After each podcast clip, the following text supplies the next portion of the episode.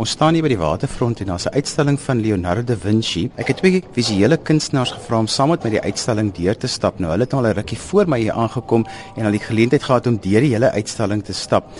En kom ons begin by jou. Wat is jou indrukke gewees van wat jy vandag gesien het? Um, Leonardo was definitief nie 'n onderpresteerder gewees nie. Ek dink dit is 'n baie oorweldigende uitstalling want dit het 'n baie wye verskeidenheid van sy produksie in sy lewe wat mens na kan kyk. Kom ons, wat het vir jou uitgestaan van die uitstalling sover? Wel vir my was dit verstommend. Ek het geweet hy was baie meer as net 'n skilder of 'n beeldende kunstenaar, maar as mense hier deurloop en sien hoe wyd en omvattend sy belangstellingsveld was, kan jy maar net omtrent nie glo wat jy sien nie. En ehm um, ek kan nie dink dat dit 500 jaar gelede gelede alles al ontwerp is nie, verstommend. Nou Henk, die uitstalling is spesifiek ingerig in verskillende afdelings. Voor ons nou begin rondstap hierso, wat kan ons te wag te wees? Ek dink die uitstalling fokus op 'n hele verskeidenheid van dit wat hy gedoen het. Jy kan van sy klein sketsboeke sien of reproduksies daarvan.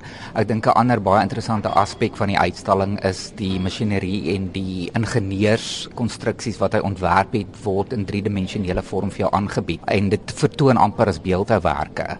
So baie van hierdie sketse word amper driedimensioneel vir die kyker aangebied. Baie van dit is kinetiese uh, beeldhouwerke met ander woorde, jy kan deelneem daaraan, daar's beweging wat plaasvind. Ek dink ook daar's vir my nog 'n fascinasie daarin om te sien dat baie van die masjinerie en wat ons vandag nog in die samelewing het, eintlik idees van Leonardo is. Byvoorbeeld ball bearings, die fiets uh, kanonne, projektors, dit is alles idees van Leonardo. Kobus, julle gaan my nou deur die toer vat, so hoe gaan ons hierdie toer aanpak? Dit lyk vir my asof die uitstalling op 'n vaar manier soos van tematies ingedeel is en as 'n mens onmiddellik inkom sal jy sien is daar skaalmodelle van tipe van oorlogsmasjinerie en en wapens en daarna is daar later uh, goed wat te doen het met hefboomaksies, uh, huiskrane en polisie en sulke soort van dinge en dan later werk dit uh, gaan dit meer na sy fascinasie met water waar jy kan ontwerpe sien van pompe en duiktoerusting en so en dan ook sy fascinasie met vlieg. So, Daar's ook skaalmodelle van uh, helikopters en vlerke en vliegtye en sulke soort van goed. So uh, ja, ons kan dit maar so doen. Ek sien eers op julle lysie wat julle my na toe wil vat is die kanonne. So kom ons stap na die kanonne toe.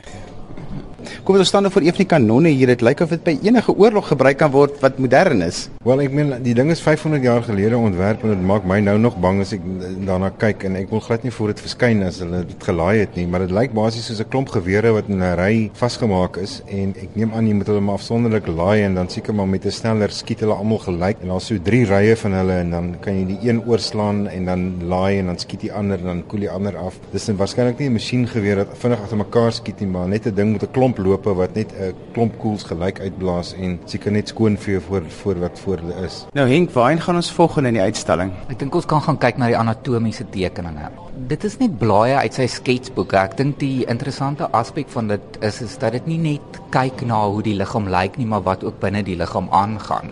Ek dink hy was een van die eerste kunstenaars wat aangemoedig was deur sy leermeester Verrocchio om lyke te dissekteer. Ek dink ook 'n ander aspek van die tekening as jy daarna kyk is is dat dit agterste voorgeskryf is die teks en dat Leonardo in sy tyd um, beskuldig was van heksery en dat hy eintlik vervolg was om iets te doen wat eintlik in die tyd gesien was as krimineel. Ek dink ook sy in diepte kennis van beweging.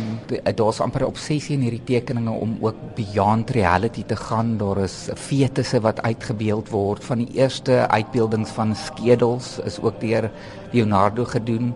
Daar's ook 'n fascinasie met spiere en die werkinge van spiere in die tekeninge. Ongewone aspekte ook daarvan is is hoe dit die werking van die voet demonstreer.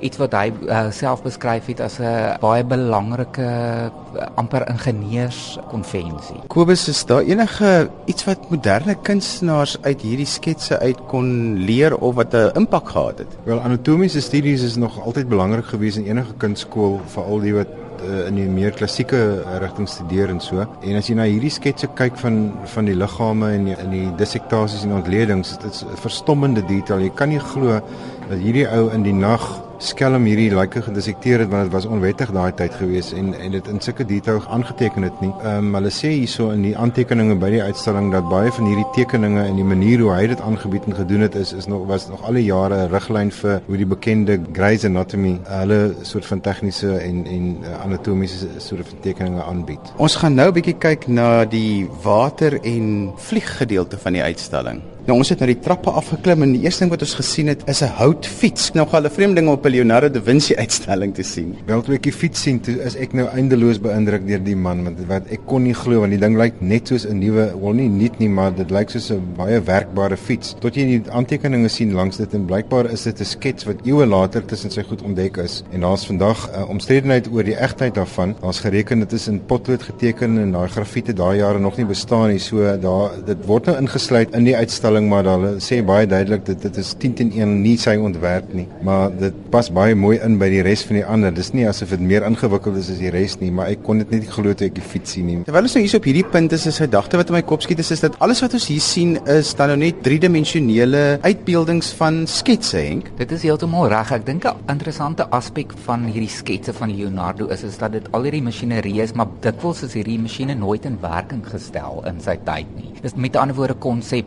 konseptekeninge. Die volgende ding waarvan ons gaan kyk is natuurlik waarvoor Leonardo da Vinci die heel heel bekendste is en dit is dat ons gaan kyk na iets rondom die Mona Lisa. Dis korrek, ja. Kom ons stap sin toe. Ons is hier nou by 'n gedeelte van die uitstalling waar 'n replika van die Mona Lisa hang en dan is hier verskriklik baie kleiner gedeeltetjies wat vergroot is van die Mona Lisa. Henk, waarna kyk ons hierso? Um, ons kyk na digitale afbeeldings van die Mona Lisa. Die Franse ingenieur Pascal Cot het 'n kamera ontwerp en hy was van die eerste mense wat toegelaat was om die uh, Mona Lisa af te neem, spesifiek ook die Mona Lisa sonder die raam. Net kurators word toegelaat om na die Mona Lisa sonder die raam te kyk en dan het hy baie naby skote met infrarooi geneem van die Mona Lisa wat vir ons baie leidrade gee wat ons voorheen nie gehad het rondom die Mona Lisa nie. Hier is ook 'n afbeelding van die Mona Lisa se voor maar ook agterkant wat baie interessant is. So jy kan soort van die hele geskiedenis van die Mona Lisa ook trace in die agterkant en 'n interessante feit wat ek byvoorbeeld nie geweet het nie is dat daar 'n skering in die paneel van die Mona Lisa aan die bokant was. Kobus, vertel vir die luisteraars wat hulle eintlik regtig hier kan sien. Wat baie interessant is wat wat hierdie kamera of die fotos aan die lig bring is twee goed. Die een is die ware kleur van die skildery wat na jare en eeue van vernis en ehm um, die verf het gekraak en vergeel. Kon hulle met die kamera die oorspronklike kleure weer vasstel en en dit vir jou wys. En so jy kan nou sien hoe die Mona Lisa gelyk het toe dit pas geskilder was. Die ander een wat vir my baie interessant was ook hier rondom is die infrarooi uh, foto's wat hulle geneem het daarvan om te sien wat lê agter die finale skildery en jy kan nou sien dat Leonardo soos enige kunstenaar ook maar sy foute gemaak het en jy kan op plekkies sien waar hy die vingers se posisie geskuif het en skaduwees uitgehaal het en ingesit het so jy kan uh, amper op 'n manier volg soos op 'n forensiese manier die proses wat wat hy gevolg het om die werk te skep. So vir vir my as 'n mede-kunstenaar wat ook verf is dit veral baie interessant om te sien wat lê agter die verskillende lae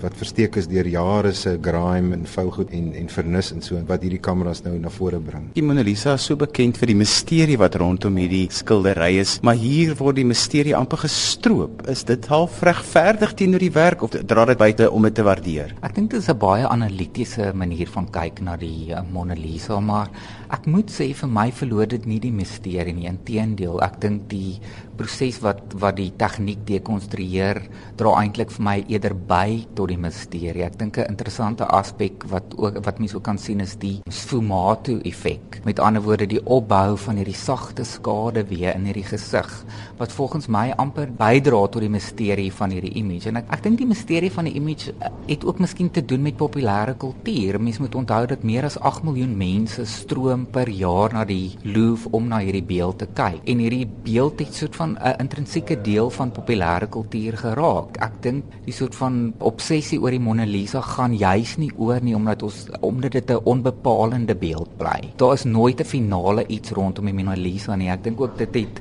te doen met die klise van die Mona Lisa smile.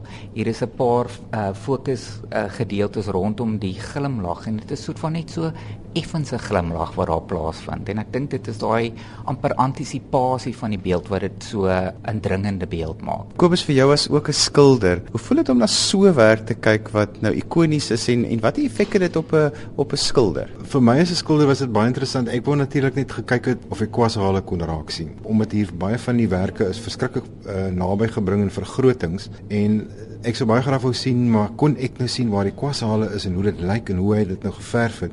Maar dit is so glad geverf en so um, fyn gedoen dat jy nie 'n kwasal kan sien nie. Dit het natuurlik miskien ook te doen met die feit van al die tyd wat verbygegaan het van aanpaksels en en die verkleuring van die verf en verdowwing dat jy dit nie kan sien nie. En ek sal nie sê dit was vir my 'n teleurstelling nie, miskien was dit in die eerste plek so geverf.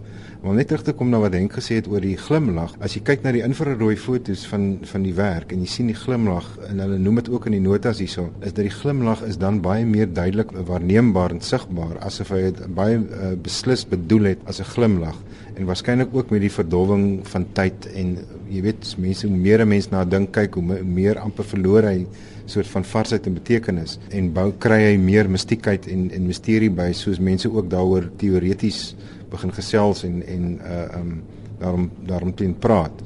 So ek dink tyd en die impak van van die verf wat ver, verkleur het alles bygedra tot die tot die misterie en die in die mistiek rondom die die werk. Kaapstad is vanjaar die ontwerp hoofstad en dit is heel gepas dat Leonardo Vinci ook as ontwerper hierdie tyd van die jaar juis in Kaapstad uitgestal word en die fokus daarop val. Hoe het dit vir julle gespreek tot die hele ontwerp hoofstad tema van verjaar? Ehm um, ek dink die fokus van Suid-Afrikaanse ontwerp op die oomblik is die sosiale aspek daarvan. Met ander woorde, dit is nie meer art for art sake ehm um, waarna mense verwys in beeldende kuns byvoorbeeld nie. Ek dink mense kyk na die funksionaliteit van die ontwerp. So daar moet 'n balans wees tussen estetika en funksionaliteit. En ek dink 'n interessante aspek van Leonardo is is dat hy verby die blote estetika gegaan het. Ek dink baie van hierdie veral hierdie uh, masjinerie het 'n sterk estetiese ehm um, uh, relevantie en dit is esteties baie mooi om na te kyk, maar daar's 'n poging om innovasie te te bewerkstellig deur hierdie masjinerie en ook om funksioneel te wees. Met ander woorde, ons lewens vir ons beter en makliker te maak. Kobus so laaste gedagte van jou kant af rondom dit. Ek dink dat afgesien van die onthulling wat dit weer eens vir my was van die die uh, omvang van Leonardo se genialiteit as jy dit so wil noem, wat my verstom het is uh, is die feit ek dink dat die uitstalling is baie gepas juis met van jaar dit dit wys my net weer eens hoe lank pad ontwerp kom met die met die mensdom. Jy weet, ons almal is geneig om te dink dat alle belangrike uitvindsels in die laaste 50 of 100 jaar gedoen. Maar hier is goed wat vandag nog gebruik word wat 500 jaar gelede ontwerp is. En uh um, om dit te sien is net vir my verstommend om te dink dat al hierdie dinge al die jare nog met ons was. So ek dink in daai opsig is die uitstalling vir my regtig baie gepas. Ek ek sal amper dink tot dusver is dit vir my een van die hoogtepunte van die ontwerp um, program wat hulle in Kaapstad aanbied op die oomblik.